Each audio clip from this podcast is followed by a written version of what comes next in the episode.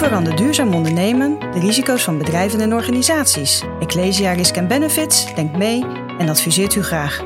Want wij voelen ons verantwoordelijk voor de wereld van morgen. Ecclesia Risk Benefits, samen, bewust en gerust vooruit.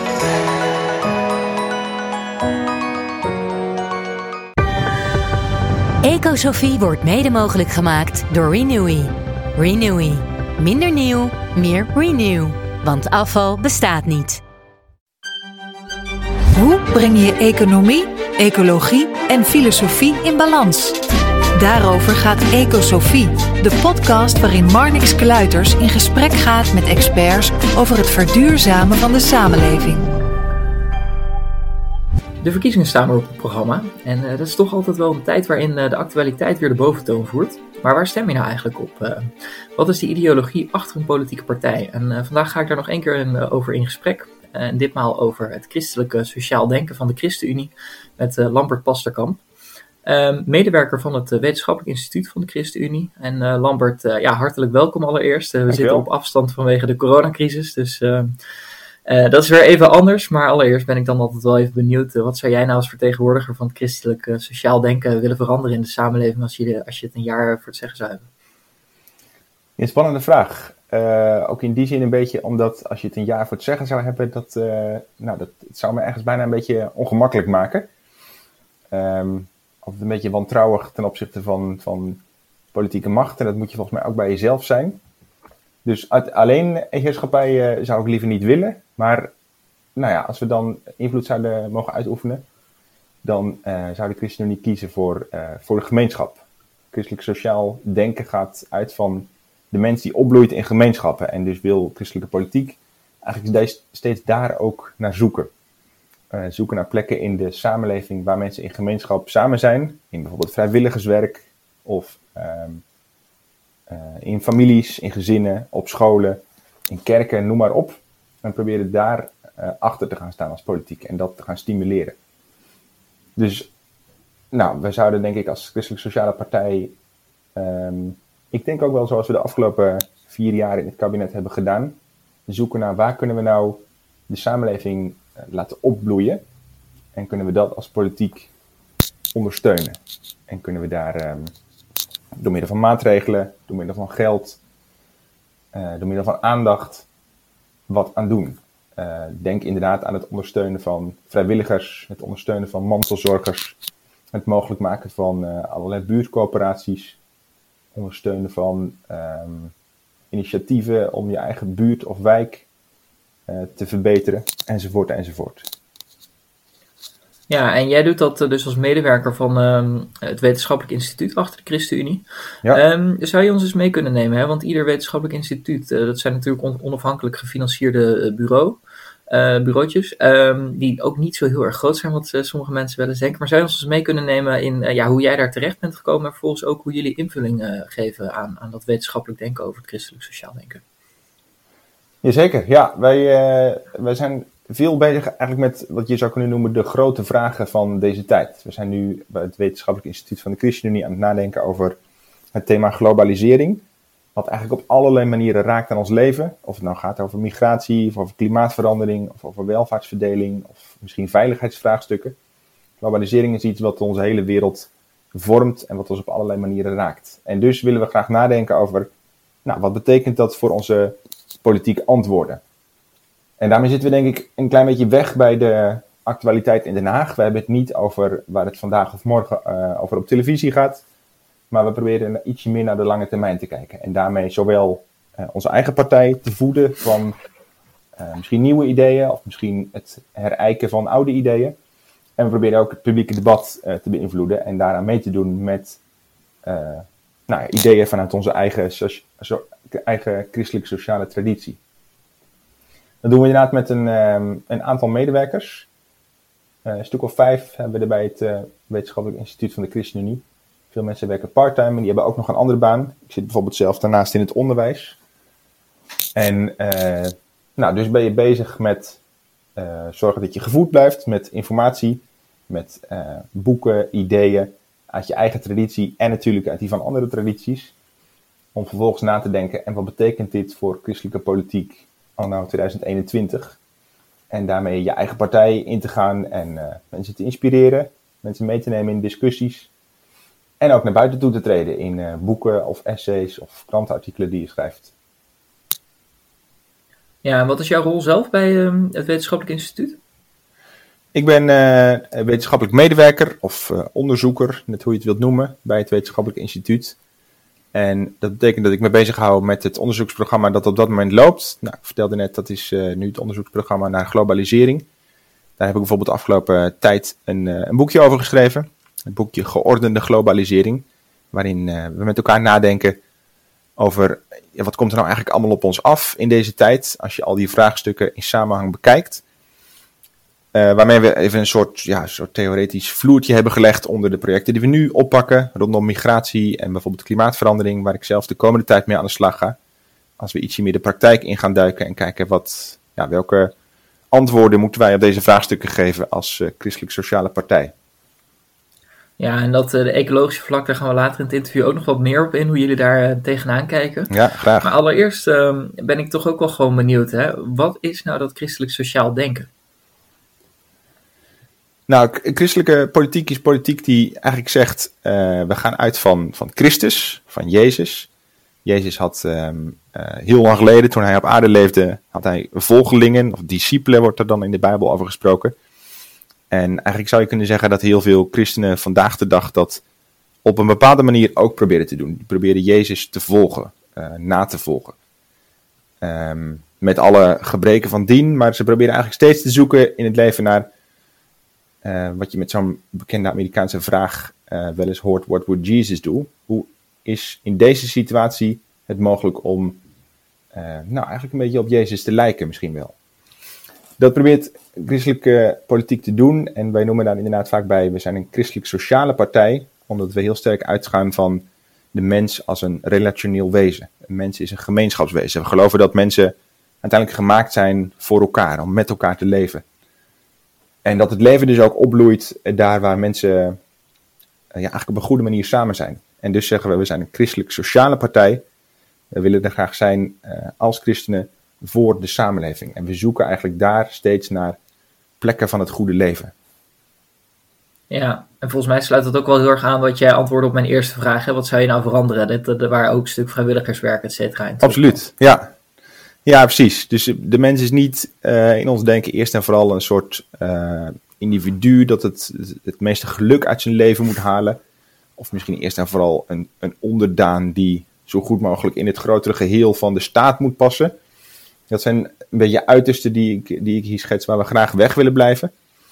Uh, mensen zijn altijd onderdeel van ja, eigenlijk een soort, soort organische werkelijkheid. Familie, vriendenkring, collega's, ze wonen altijd op een plek. En eigenlijk daar uh, moet het gebeuren. En dus zoeken we ook zoveel mogelijk in de politiek naar hoe kunnen we daar nou achter gaan staan. Als je het verkiezingsprogramma van de ChristenUnie leest, dat is net uit. Dan zul je eigenlijk een soort één groot pleidooi zien om steeds maar weer op zoek te gaan naar die plekken. Vaak zijn dat lokale plekken in de wijk, in de buurt, in gemeenten. Om daar eigenlijk het mensen mogelijk te maken om uh, met elkaar ja, iets van het leven te maken in, uh, ik noemde ze al, uh, buurtcorporaties, um, in vrijwilligerswerk, op hun eigen werk natuurlijk, maar ook in de zorg voor familieleden. Nou, dat komt op allerlei plekken terug, maar steeds waar mensen eigenlijk naar elkaar omzien, daar, is, um, nou, daar gebeurt volgens ons iets van het goede leven. En daar willen we heel graag dienstbaar aan zijn. Ja, en nou, nou zijn er vaak toch ook, um, als je het even wat, wat beter wilt neerzetten, ook een soort framework of een toetsingskader of grondslagen, pijlers, waar, waar een partij op gebouwd is. Zijn die bij de ChristenUnie of het christelijk sociaal denken dan ook te onderscheiden? Ja, ja wel degelijk. Um, misschien niet in de zin dat het een soort toetsingskader is waarbij alles per se daar moet voldoen. Uh, ik weet van het CDA dat ze bijvoorbeeld vier van die van die grondprincipes hanteren en eigenlijk die altijd gebruiken om uit te leggen wat, uh, nou, wat het CDA nou eigenlijk is. Um, maar we hebben wel degelijk inderdaad bepaalde waarden die eigenlijk steeds terugkomen gedurende die traditie en die je heel vaak terugziet in het handelen van, uh, van ChristenUnie-politici. Ik denk dat de belangrijkste waarde is, is rechtvaardigheid. Um, dat is een woord wat natuurlijk veel andere politieke partijen ook gebruiken.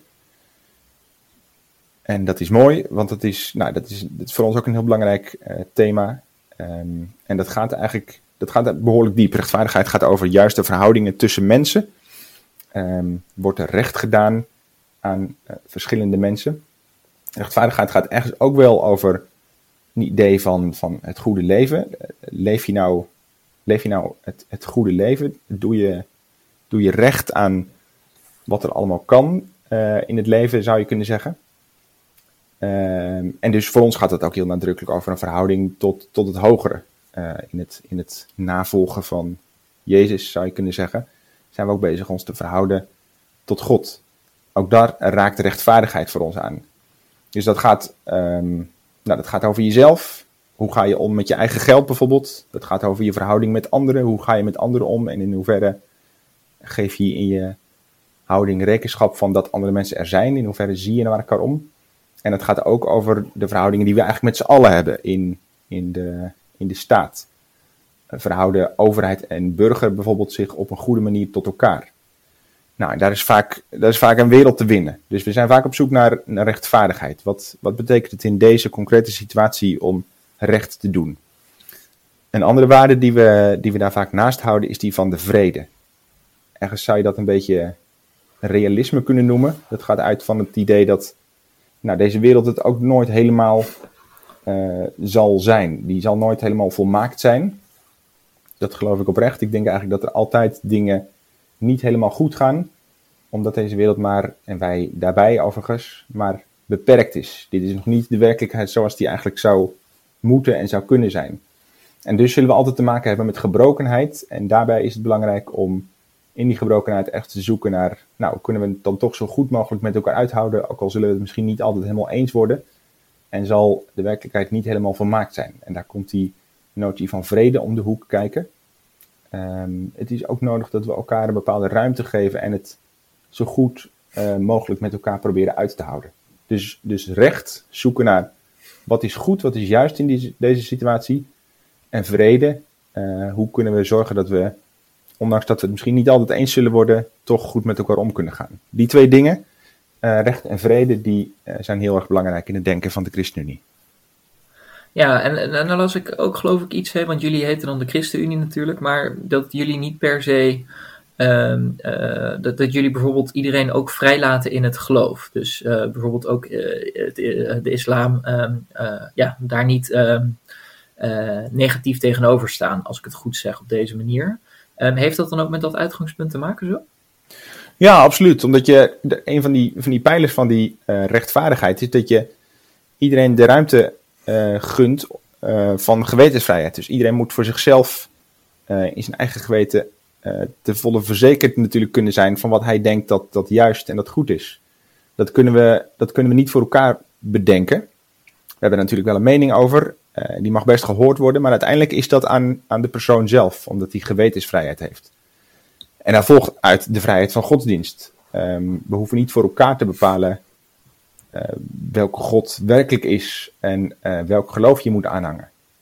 Niet omdat we er geen idee over hebben, daar zijn we wel degelijk van, van we hebben wel degelijk een bepaalde overtuiging, maar omdat we ten diepste geloven dat het, dat het, nou, dat is zoiets wezenlijks, dat hangt zo sterk samen met wie je zelf bent, dat je, dat, uh, dat je daarin vrijgelaten moet worden.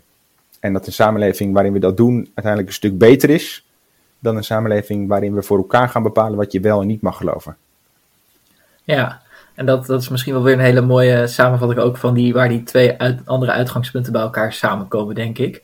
Um, dan ben ik vervolgens ook wel even benieuwd. Uh, nou hebben we natuurlijk uh, allerlei partijprogramma's, hè, die van jullie is ook net uitgekomen. Dan kun je natuurlijk met je rekenmachine erbij gaan zitten van hoe um, zou dit programma nou het beste voor mijn portemonnee zijn of ja. het beste voor mijn situatie? Uh, ja. je, je, kunt ook stemmen en ik hoop toch dat jullie daar als wetenschappelijke instituten daar altijd een iets beter antwoord op hebben.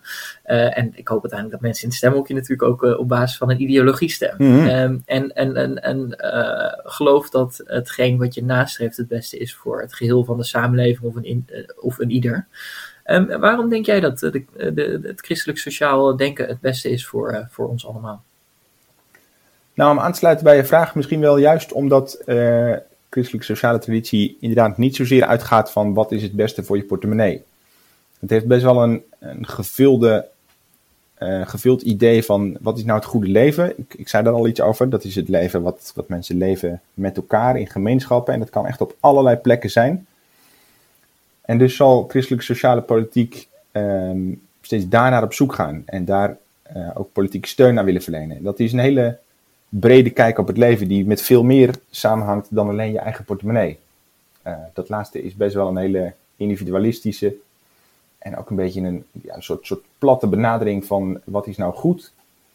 Ik denk dat het goede leven heel veel te maken heeft met, um, nou ja, hoe ga, je met, hoe ga je met andere mensen om? Hoe ga je met de wereld om?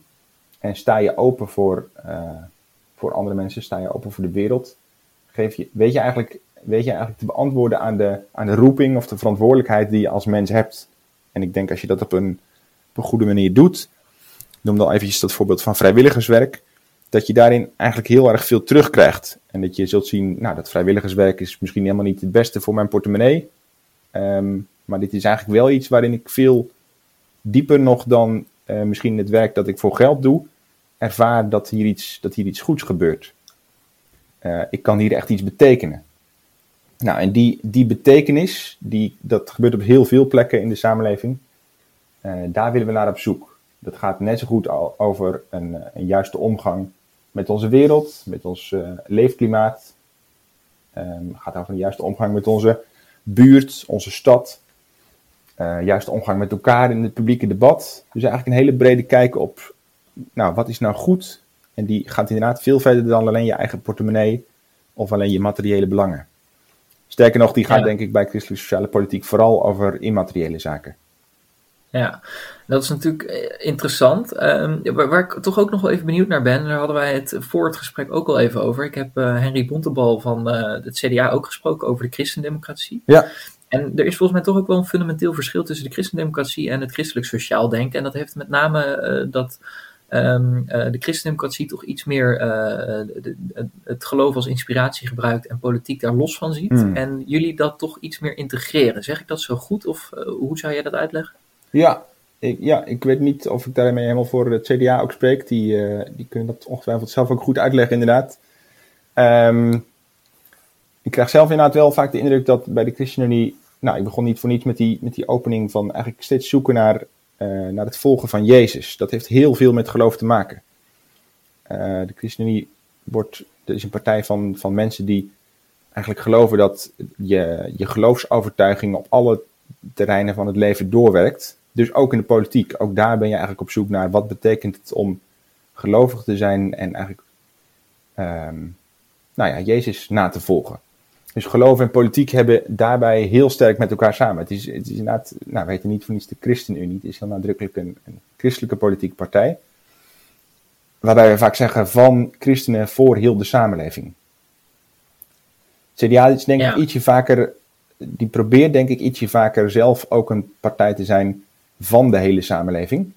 Voor de hele samenleving.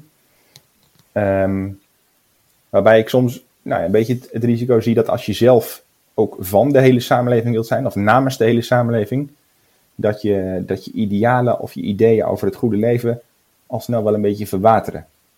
Uh, dat kan dan wel heel breed of heel abstract of algemeen worden. En uh, christelijke sociale politiek is, is uh, politiek die uitgaat van het christendom, van het volgen van Jezus. En daarbij zegt, wij zijn christenen, maar we willen er zijn voor alle mensen.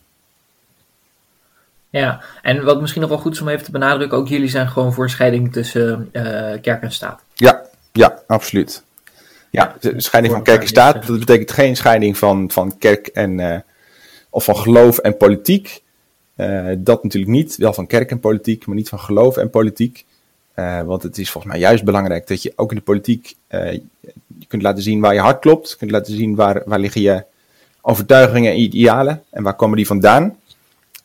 Maar zeker wel van kerk en staat, ja. Dat is een belangrijke scheiding die, die, we, die we van harte onderschrijven.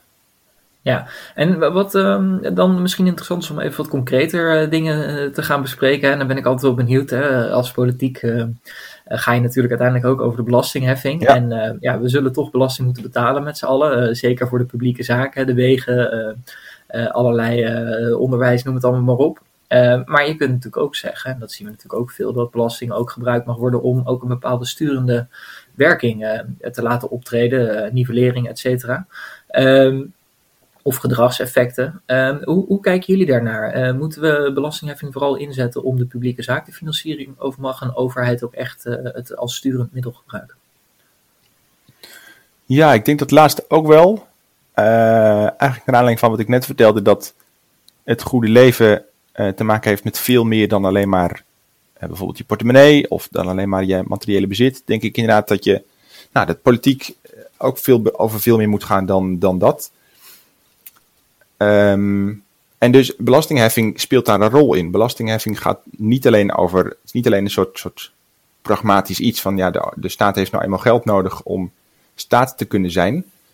Het gaat volgens mij ook over wat je met elkaar bedenkt als waar willen we, uh, waar willen we geld aan geven en, en waar niet. En wat vinden we belangrijk om te beprijzen en wat niet. Denk eventjes aan het beprijzen van uh, uh, milieukosten, bijvoorbeeld vervuiling ik denk dat het goed is om dat te verdisconteren in je belasting. En dus in je belasting al iets door te laten klinken van, nou, we, we hebben een, een wereld waar we met elkaar voor hebben te zorgen.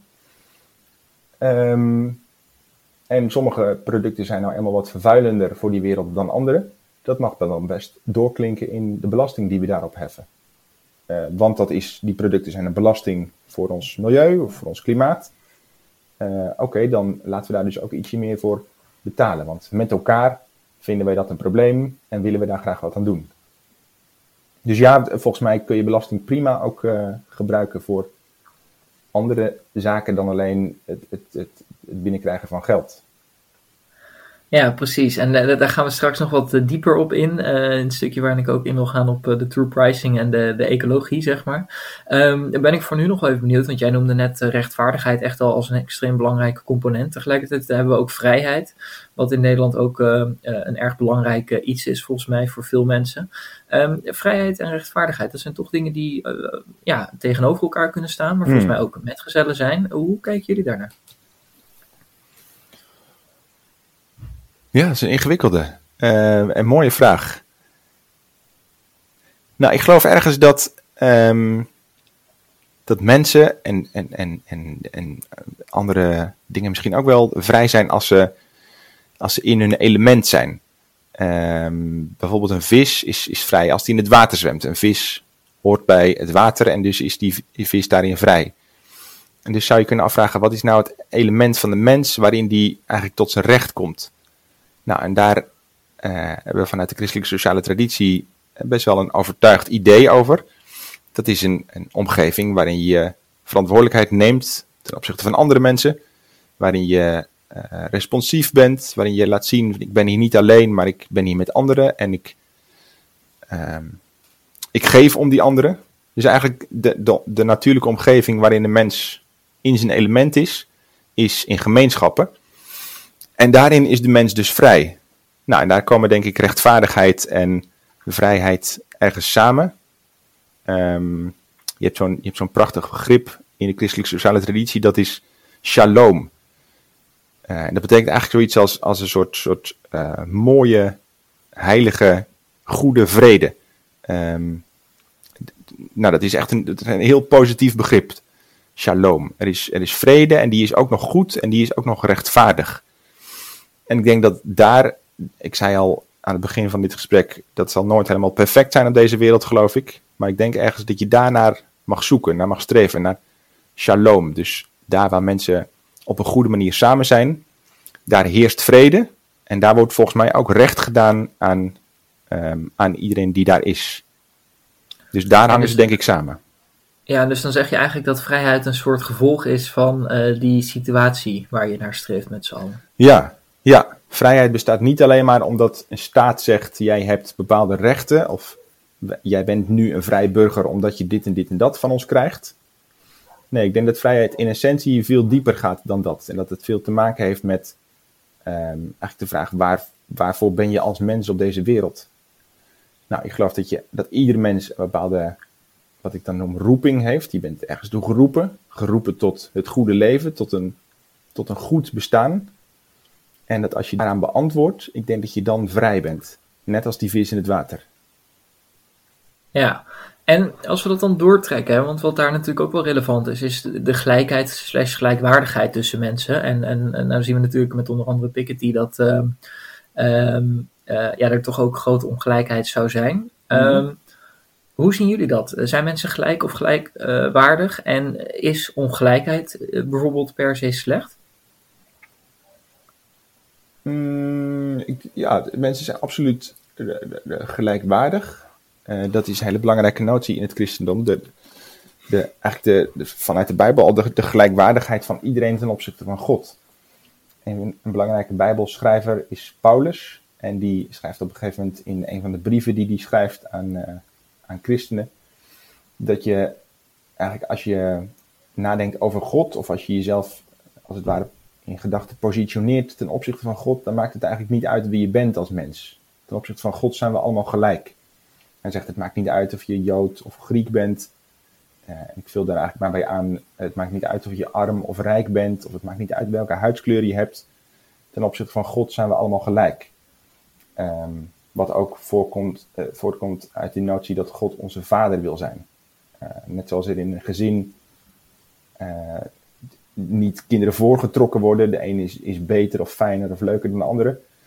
Zo geldt dat volgens mij voor God zelf ook. Die, die zich nou, in het christendom presenteert als een, als een vader van mensen. Um, dus ja, die gelijkwaardigheid van mensen is, is fundamenteel tegelijkertijd moet je, uh, dat is een, iets wat in christelijke sociale traditie langzaam ontwikkeld is, moet je daar in de politiek altijd wel een beetje mee oppassen als je dat wilt gaan opleggen. Um, want gelijkwaardigheid is eigenlijk iets wat er, dat er al is. Dat is eigenlijk als het ware al onderdeel van het, intrinsiek onderdeel van het mens zijn. En als je als overheid gaat zeggen, we gaan dat, we gaan het vastleggen, bijvoorbeeld in, in quota of in, in, in bindende afspraken of in um, in, in, uh, nou ja, noem maar op. In extreme variant gebeurt het natuurlijk in, in socialistisch denken of zelfs in communistisch denken, waarin je eigenlijk een soort radicale gelijkheid propageert. Dan is het, is het middel vaak erger dan de kwaal. En dan neem je als staat of als overheid eigenlijk veel te veel ruimte in ten opzichte van uh, de zelfverantwoordelijk zijnde burgers. Dus ja, uh, gelijkwaardigheid is er absoluut. En dat is vooral iets wat mensen al bezitten in plaats van wat ze per se door de politiek aangereikt moeten krijgen. Ik wil niet zeggen dat politiek daar helemaal geen verantwoordelijkheid in heeft. Ik denk inderdaad dat bepaalde dingen scheef kunnen groeien. Uh, kijk maar naar uh, verschillen in inkomen, in salaris, of kijk maar naar uh, toegang tot de arbeidsmarkt, ook in Nederland.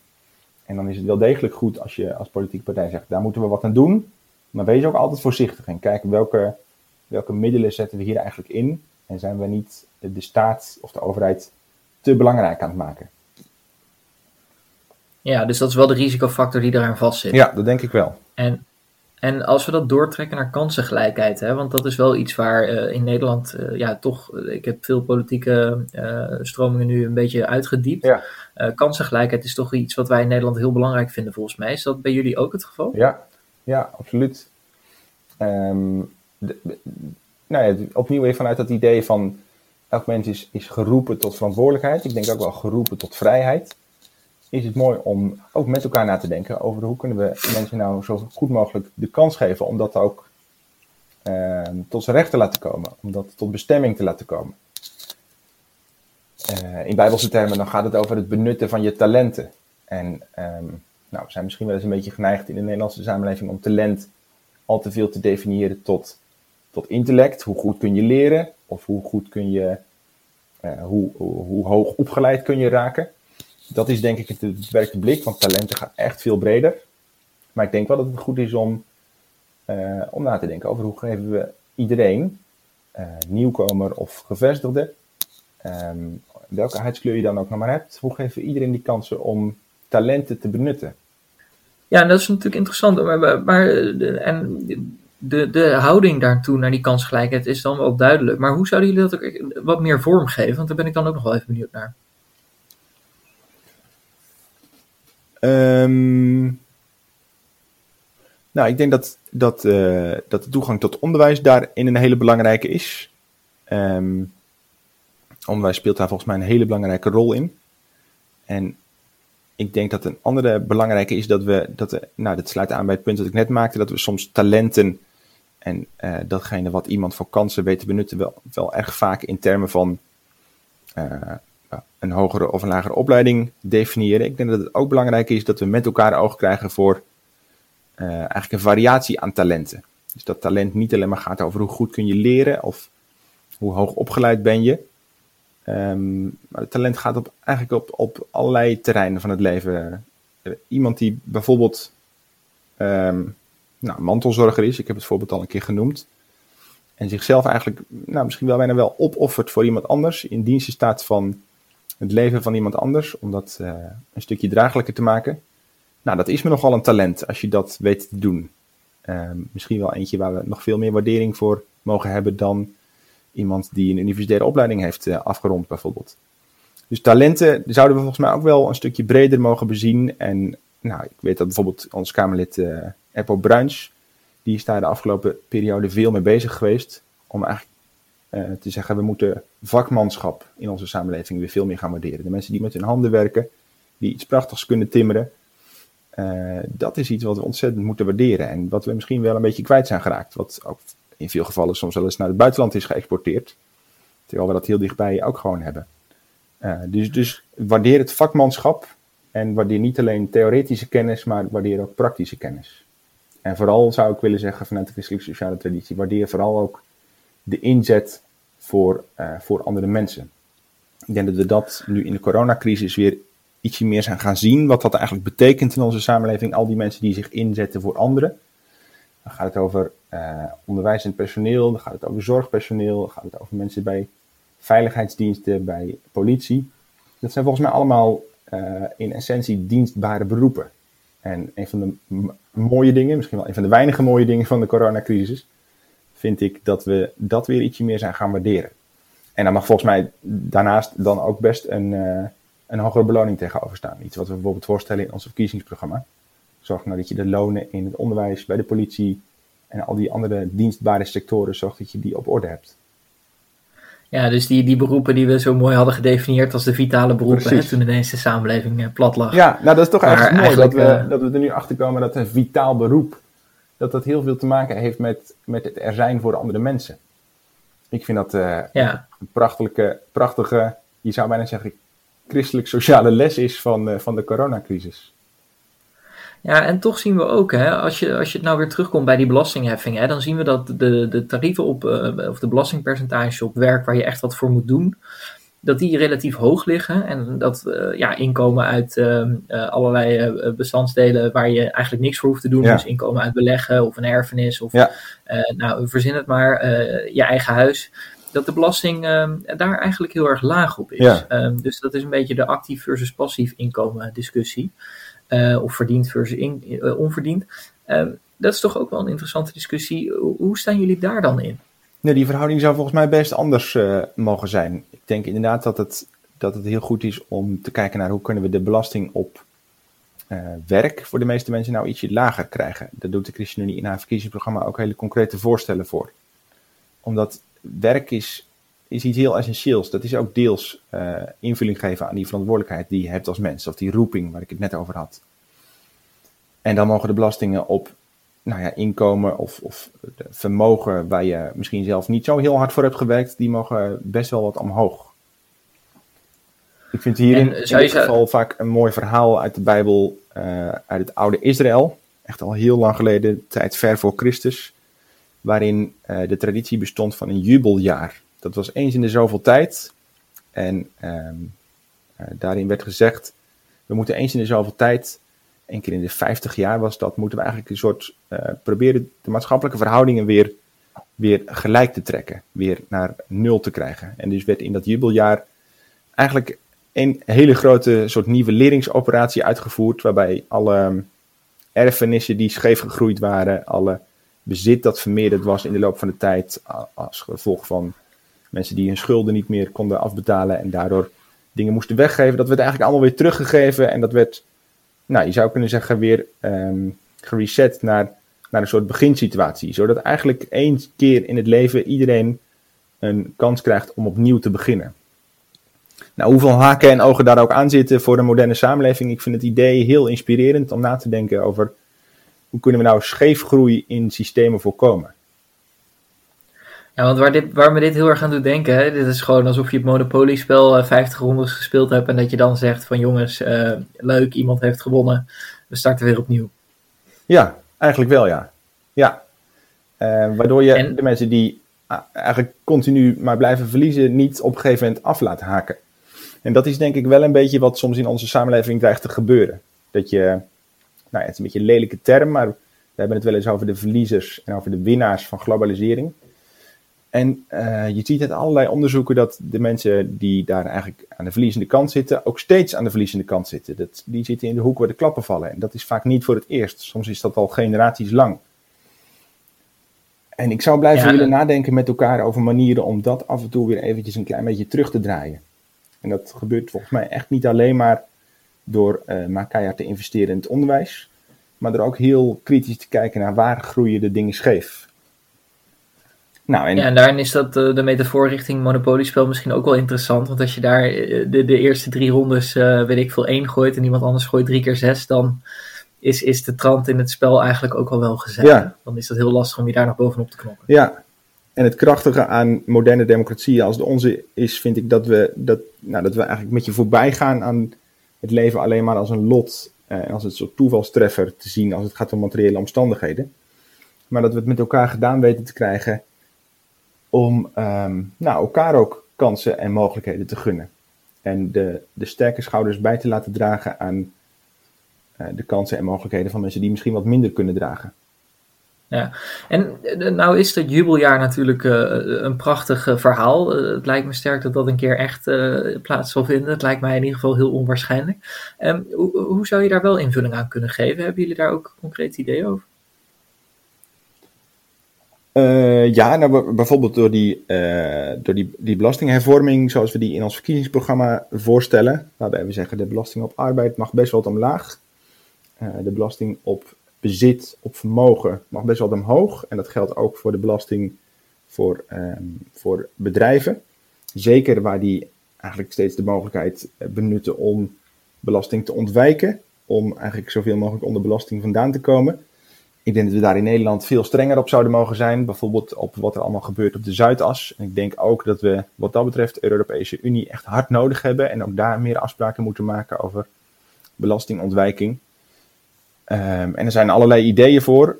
Uh, bijvoorbeeld dat je gewoon als land eigenlijk al kunt beginnen met een bepaald percentage te heffen over de winst dat een bedrijf uh, de afgelopen tijd heeft gemaakt. Of een bepaald percentage te heffen over de omzet die een bedrijf in jouw land heeft gemaakt. Zonder dat je daarmee dus afhankelijk bent van andere Europese landen, kun je daar volgens mij al gewoon mee beginnen. Um, dus dat, uh, dat, dat moet inderdaad in ons belastingstelsel gebeuren. Wat ook volgens mij zwaarder belast zou mogen worden, is uh, nou ja, eigenlijk de, de, de vraag die wij doen aan, uh, aan de aarde als het gaat om, om hulpmiddelen. En de belasting die wij daarop zelf zijn als mens, als het gaat om onze activiteiten. Dus ik denk dat dingen als vervuiling zouden we ook veel zwaarder mogen belasten. Um, en misschien ja, geldt ook wel voor consumptie in het ehm, algemeen. Dat we daar ja. ietsje steviger mogen zijn in, in het nou, in, het, in het mensen laten betalen voor dat ze consumeren en daarmee ook dingen verbruiken. Ja, want dat is eigenlijk waar ik het nu over wilde gaan hebben. En dat is een beetje die discussie rond, uh, rondom true, pri uh, true, pricing, moet ik het goed zeggen. Uh, waar ik met Adriaan de Groot Ruiz van de True Price Foundation ook over in gesprek ging. En wat zij eigenlijk zeggen is, ehm, de, de werkelijke kosten van producten die zitten nu niet in de prijs be, be, verwerkt, bijvoorbeeld in de supermarkt. Ja. daar zit een enorme sociale schakel in die daar nog mist. En ook een enorme ecologische schakel die daar mist. Ik heb het jou al een aantal keer horen zeggen, maar ik ben toch wel even benieuwd Um, vinden jullie dat uh, die kostprijs in de supermarkt of, of waar dan ook waar je een product koopt, dat die wel die true price zou moeten weergeven? Ja, um, zeker.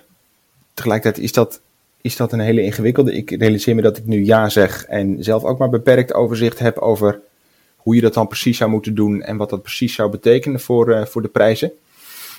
Um, en dus denk ik dat het ook niet de enige oplossing is. Ik denk dat beprijzing een, een hele belangrijke is in ons economische bestel en dat we daar uh, veel meer dan nu nog gebruik van moeten maken.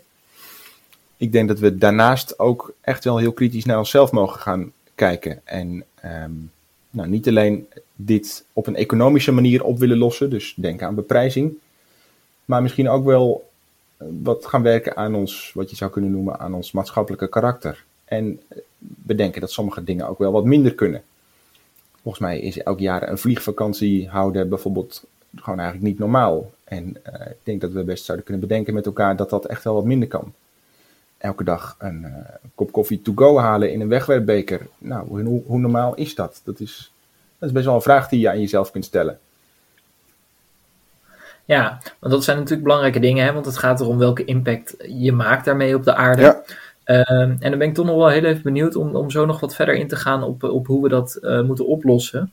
Ehm, in hoeverre jullie vinden dat uh, ja, wanneer iets toch toe zou moeten behoren aan de prijs. Want uh, ja, je zou inderdaad kunnen zeggen, we moeten het gewoon niet doen. Je zou ook kunnen zeggen, um, die, die uh, kop koffie met de wegwerpbeker, die is zover, staat zover af van die kostprijs of die verkoopprijs. Wa wanneer zou dat er wel of niet in moeten behoren? En met name ook hoort daar alleen het ecologische segment bij? Of horen we ook naar um, de juiste arbeidsomstandigheden bijvoorbeeld aan, in andere delen van de wereld te kijken? Ja, ja, wat mij betreft wel. Het is volgens mij niet voor niets dat, uh, dat veel Fairtrade, Fairtrade chocoladerepen, om maar even een voorbeeldje te noemen, die zijn duurder dan niet Fairtrade chocoladerepen. Dat zou ons toch op zijn minst aan het denken moeten zetten. Hoe komt het dat die repen duurder zijn?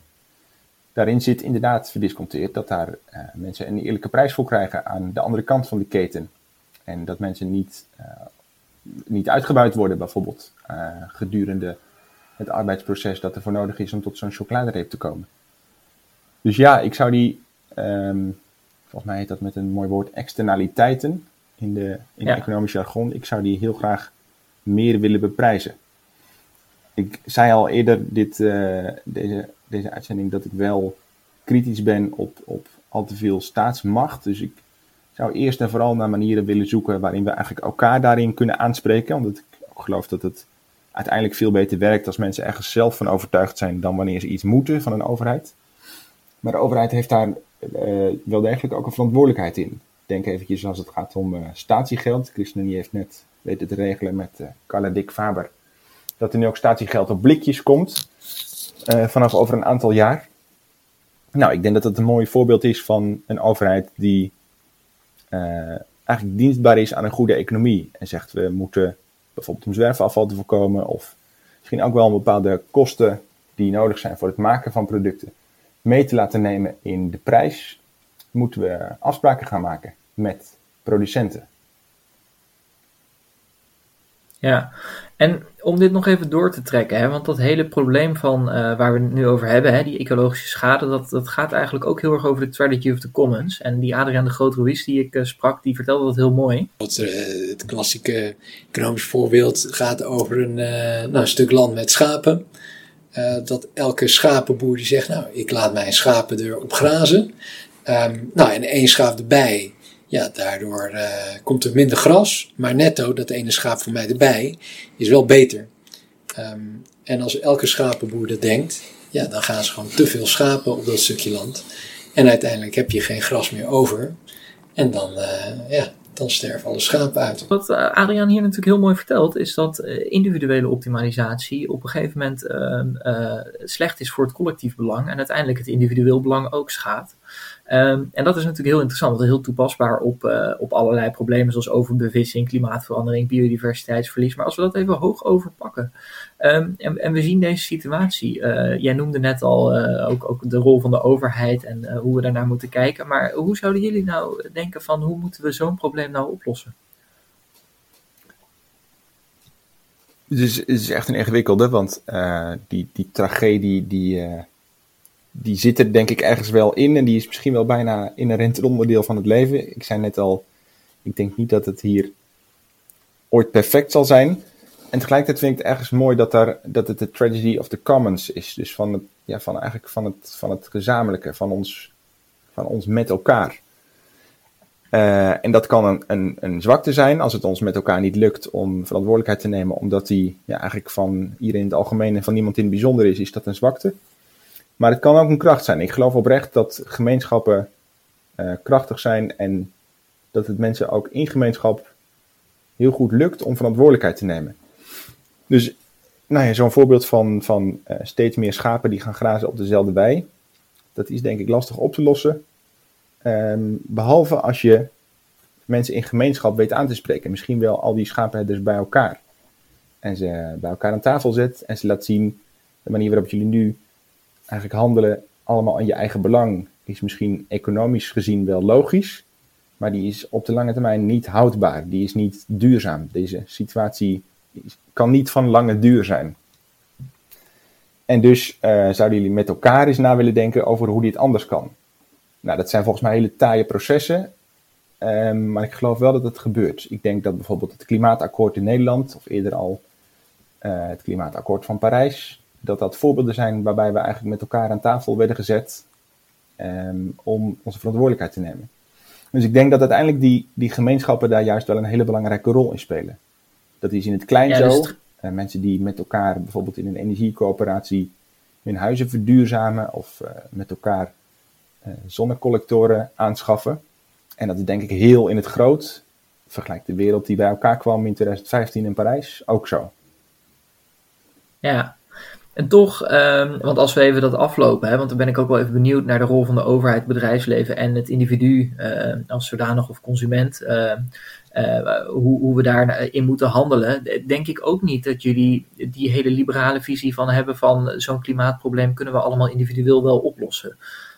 dus daar ben ik toch ook wel benieuwd hoe, hoe de overheid daar een faciliterende rol in zou kunnen spelen. Waarin de VN, die we natuurlijk bij elkaar hebben gezet uh, en dat klimaatakkoord hebben gerealiseerd, natuurlijk ook een soort overheidsorgaan is. Maar misschien dat dan het gesprek daarin toch centraal staat. Ja, en nou, er moet natuurlijk wel wat gebeuren. Ik denk niet dat je eindeloos moet blijven praten. Um, ook wel omdat je denk ik nooit alle neuzen dezelfde kant op um, zult krijgen. Je moet volgens mij zo lang mogelijk je best doen om dat wel te doen en daar misschien ook voor open blijven staan. Ook weer voor nieuwe inzichten. En tegelijkertijd kunnen we niet uh, op onze handen blijven zitten tot we de definitieve oplossing voor het klimaatprobleem hebben gevonden. Dus er moet wel degelijk intussen al wat gebeuren. En daar is de overheid uh, een hele belangrijke speler in. Die moet, uh, die moet inderdaad eigenlijk onze, nou ja, onze, ons collectieve leven mede vormgeven. En daarin zijn volgens mij harde politieke keuzes soms onontbeerlijk. Um, ik moet eventjes denken aan bijvoorbeeld de discussie over vliegveld Lelystad. ChristenUnie heeft nu in haar uh, nieuwste verkiezingsprogramma gezet dat ze eigenlijk wil dat dat vliegveld niet open gaat. Althans niet in de plannen zoals, dat, um, zoals die er nu liggen. Dat, er wordt al wel gevlogen vanaf Lelystad, maar dat moet geen uh, nieuwe luchthaven worden voor vakantievluchten in Nederland. Dat is, een, um, dat is eigenlijk uiteindelijk een grote gezamenlijke politieke discussie die we met elkaar moeten voeren. Die niet aan um, individuen toe te schrijven valt. Dus politiek is daar wel degelijk aan zet, maar lang niet als enige ik vind een van de mooie dingen van de christelijke sociale traditie is dat het steeds denkt in gemeenschappen. Dat noemde ik al een paar keer. En die gelden natuurlijk eigenlijk op allerlei terreinen. En volgens mij is dat precies wat je nu ziet gebeuren in uh, de discussies rond klimaatverandering. Dat eigenlijk allerlei gemeenschappen in het groot of in het klein zelf gaan bedenken wat hun verantwoordelijkheid is. Bedrijven die gaan uh, hun kantines veranderen, gezondere producten aanbieden, de producten meer van dichtbij halen bedrijven gaan nadenken over hun um, footprint, over hoeveel afval ze eigenlijk produceren. Veel consumenten zijn aan het nadenken over wat koop ik eigenlijk allemaal en kan ik daar niet misschien ook een klein beetje minderen. Um, particulieren zijn na aan het denken over, de, de, over hoe hun huis is ingericht en of dat geïsoleerd kan worden. Nou, dus volgens mij zie je juist die, die, die gemeenschappen in het klein en in het groot hier heel goed werken. En moet iedere voor zich, dus niet individueel, maar ieder in zijn of haar eigen omgeving, proberen na te denken over wat betekent dit klimaatprobleem voor ons en hoe kunnen we er eigenlijk met elkaar in onze eigen kleine omgevingen uh, wat aan doen.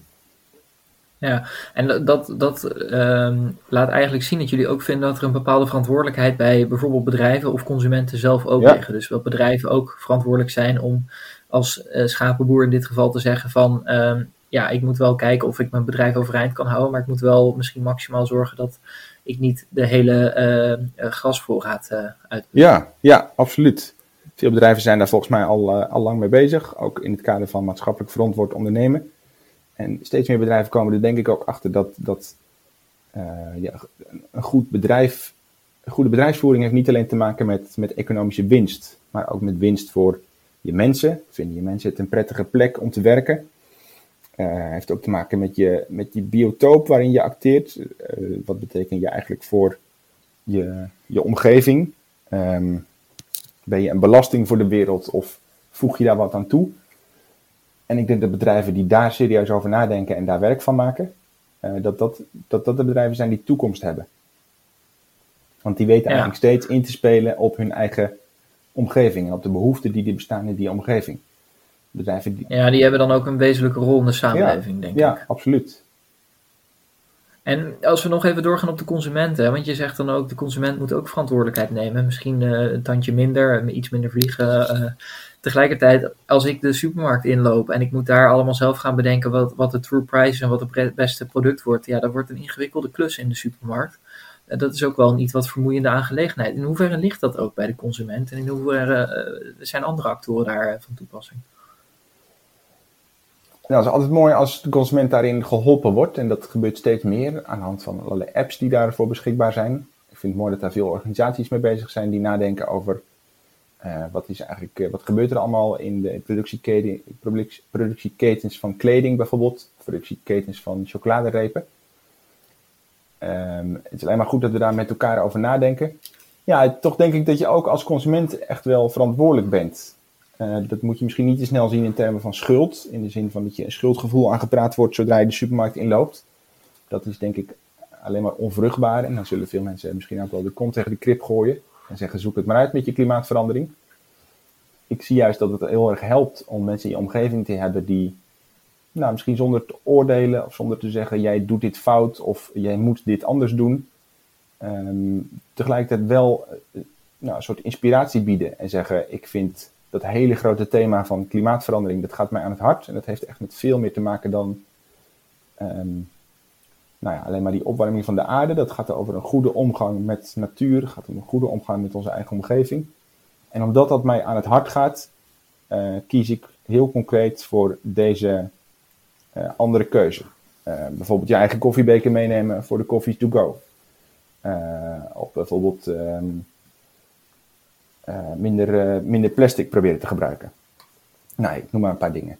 Um, en dat, als je dat uit weet te dragen zonder daarin al te veroordelend naar anderen te staan en te doen alsof anderen die dat misschien nog niet zo, die nog niet zo ver zijn, alsof die een fout maken, alsof die, alsof die gek zijn. Volgens mij kom je dan een heel eind. Want heel veel mensen willen zich echt wel laten inspireren. En die voelen echt wel, je kunt op een andere manier leven. Veel meer geworteld en veel meer um, invulling gevend aan die verantwoordelijkheid die je hebt ten opzichte van de hele wereld. Door sommige keuzes ja. anders te maken.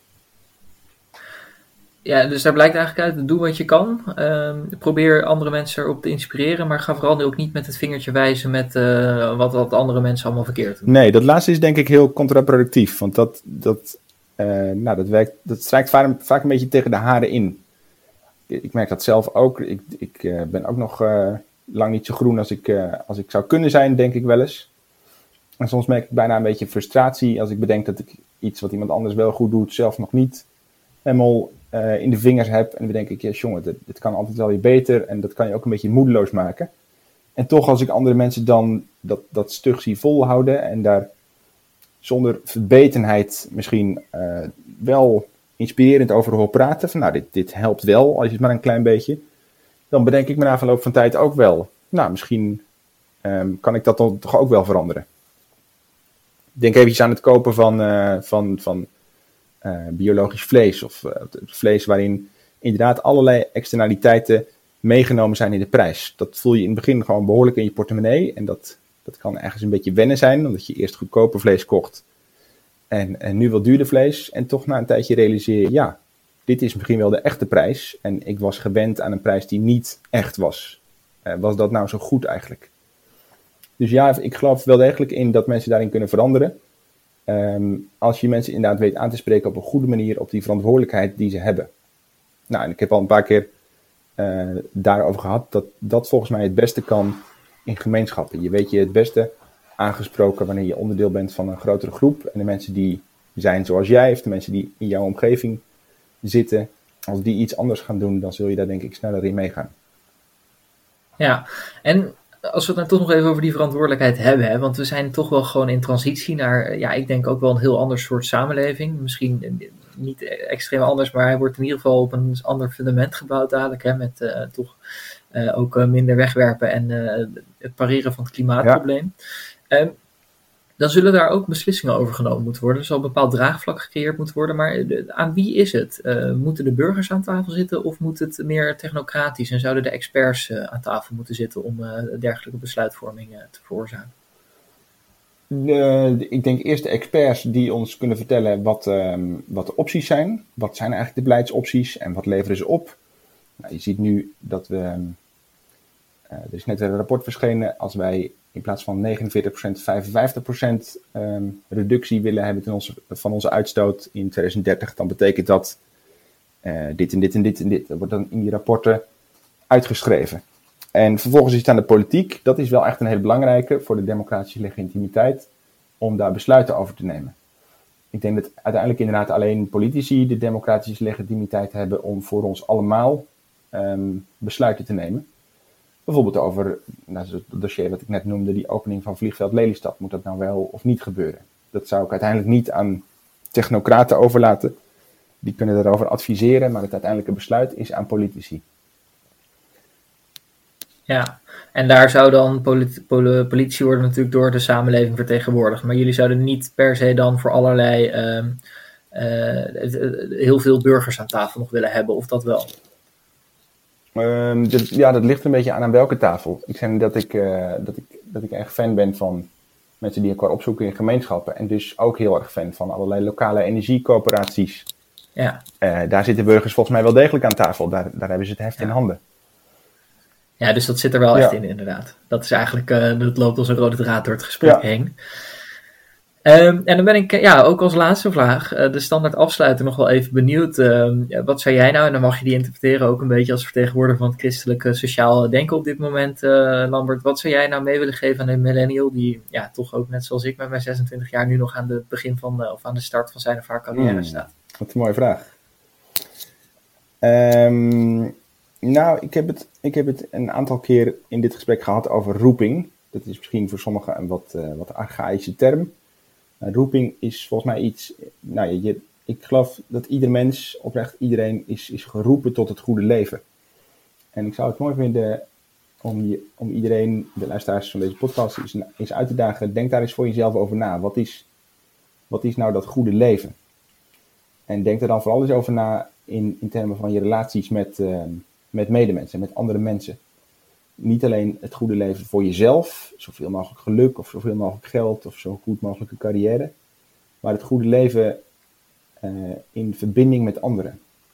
Nou, ik denk dat eigenlijk heel erg veel mensen wel een soort intuïtie hebben waar hem dat precies in zit. En ik zou het heel mooi vinden als je daar achteraan weet te gaan, als je die intuïtie najaagt in het leven, eigenlijk op zoek gaat naar waar uh, voor jou het goede leven in zit. En daarmee denk ik eh, kom je al heel snel uit voor van betekenis zijn voor andere mensen. Dat is, dat is een zoektocht. Ik denk dat dat je hele leven blijft. Maar ik denk tegelijkertijd dat het je leven veel rijker en veel dieper maakt dan wanneer je uh, gewoon maar eigenlijk maar gaat met de banaan en inderdaad zoveel mogelijk op je eigen portemonnee of je eigen carrière let of je eigen geluk. Um, het leven in verbinding met anderen en het leven met anderen is uiteindelijk zoveel rijker. Nou, ga daar naar op zoek. Daar ligt het goede leven. Ja, en dank voor dit uh, mooie uh, afsluitende antwoord ook, Lambert. En uh, ja, om daar nog even op in te haken, probeer ik dat natuurlijk met deze podcastserie ook wel te doen. Het is jammer dat wij niet gewoon tegenover elkaar ja, kunnen zitten om, om, die verbinding te vinden. tegelijkertijd noem je ook nog even de portemonnee. Ja, ik heb dit twee jaar vrijwillig gedaan en ja, dat groeit steeds verder. En ik hoop inmiddels dat mensen mij ook wel willen steunen in deze ambitie om toch ook diepgang wat toegankelijker te kunnen maken. Dus ja, als mensen um, ja graag ook in de toekomst uh, van nieuwe afleveringen voorzien willen blijven, dan kun je mij steunen op petje.af slash ecosofie. En dat kan al vanaf een euro per maand. Ik ga niks uh, verder achter uh, een paywall zetten, want ik vind het veel te belangrijk dat deze verhalen gewoon verspreid willen worden. Maar uh, ja, het zou toch mooi zijn. Er zijn inmiddels een heel aantal mensen die dat doen. Tof. dus dank, dank daarvoor ook. En Lambert, jij nogmaals dank voor het inspirerende verhaal toch ook. En succes de komende maand nog tot de verkiezingen. Heel graag gedaan. Ook, Dankjewel, Manix. Wil je de interviews terugluisteren met andere CEO's, politici, wetenschappers en activisten of meer weten over Ecosofie? Kijk op ecosofie.net.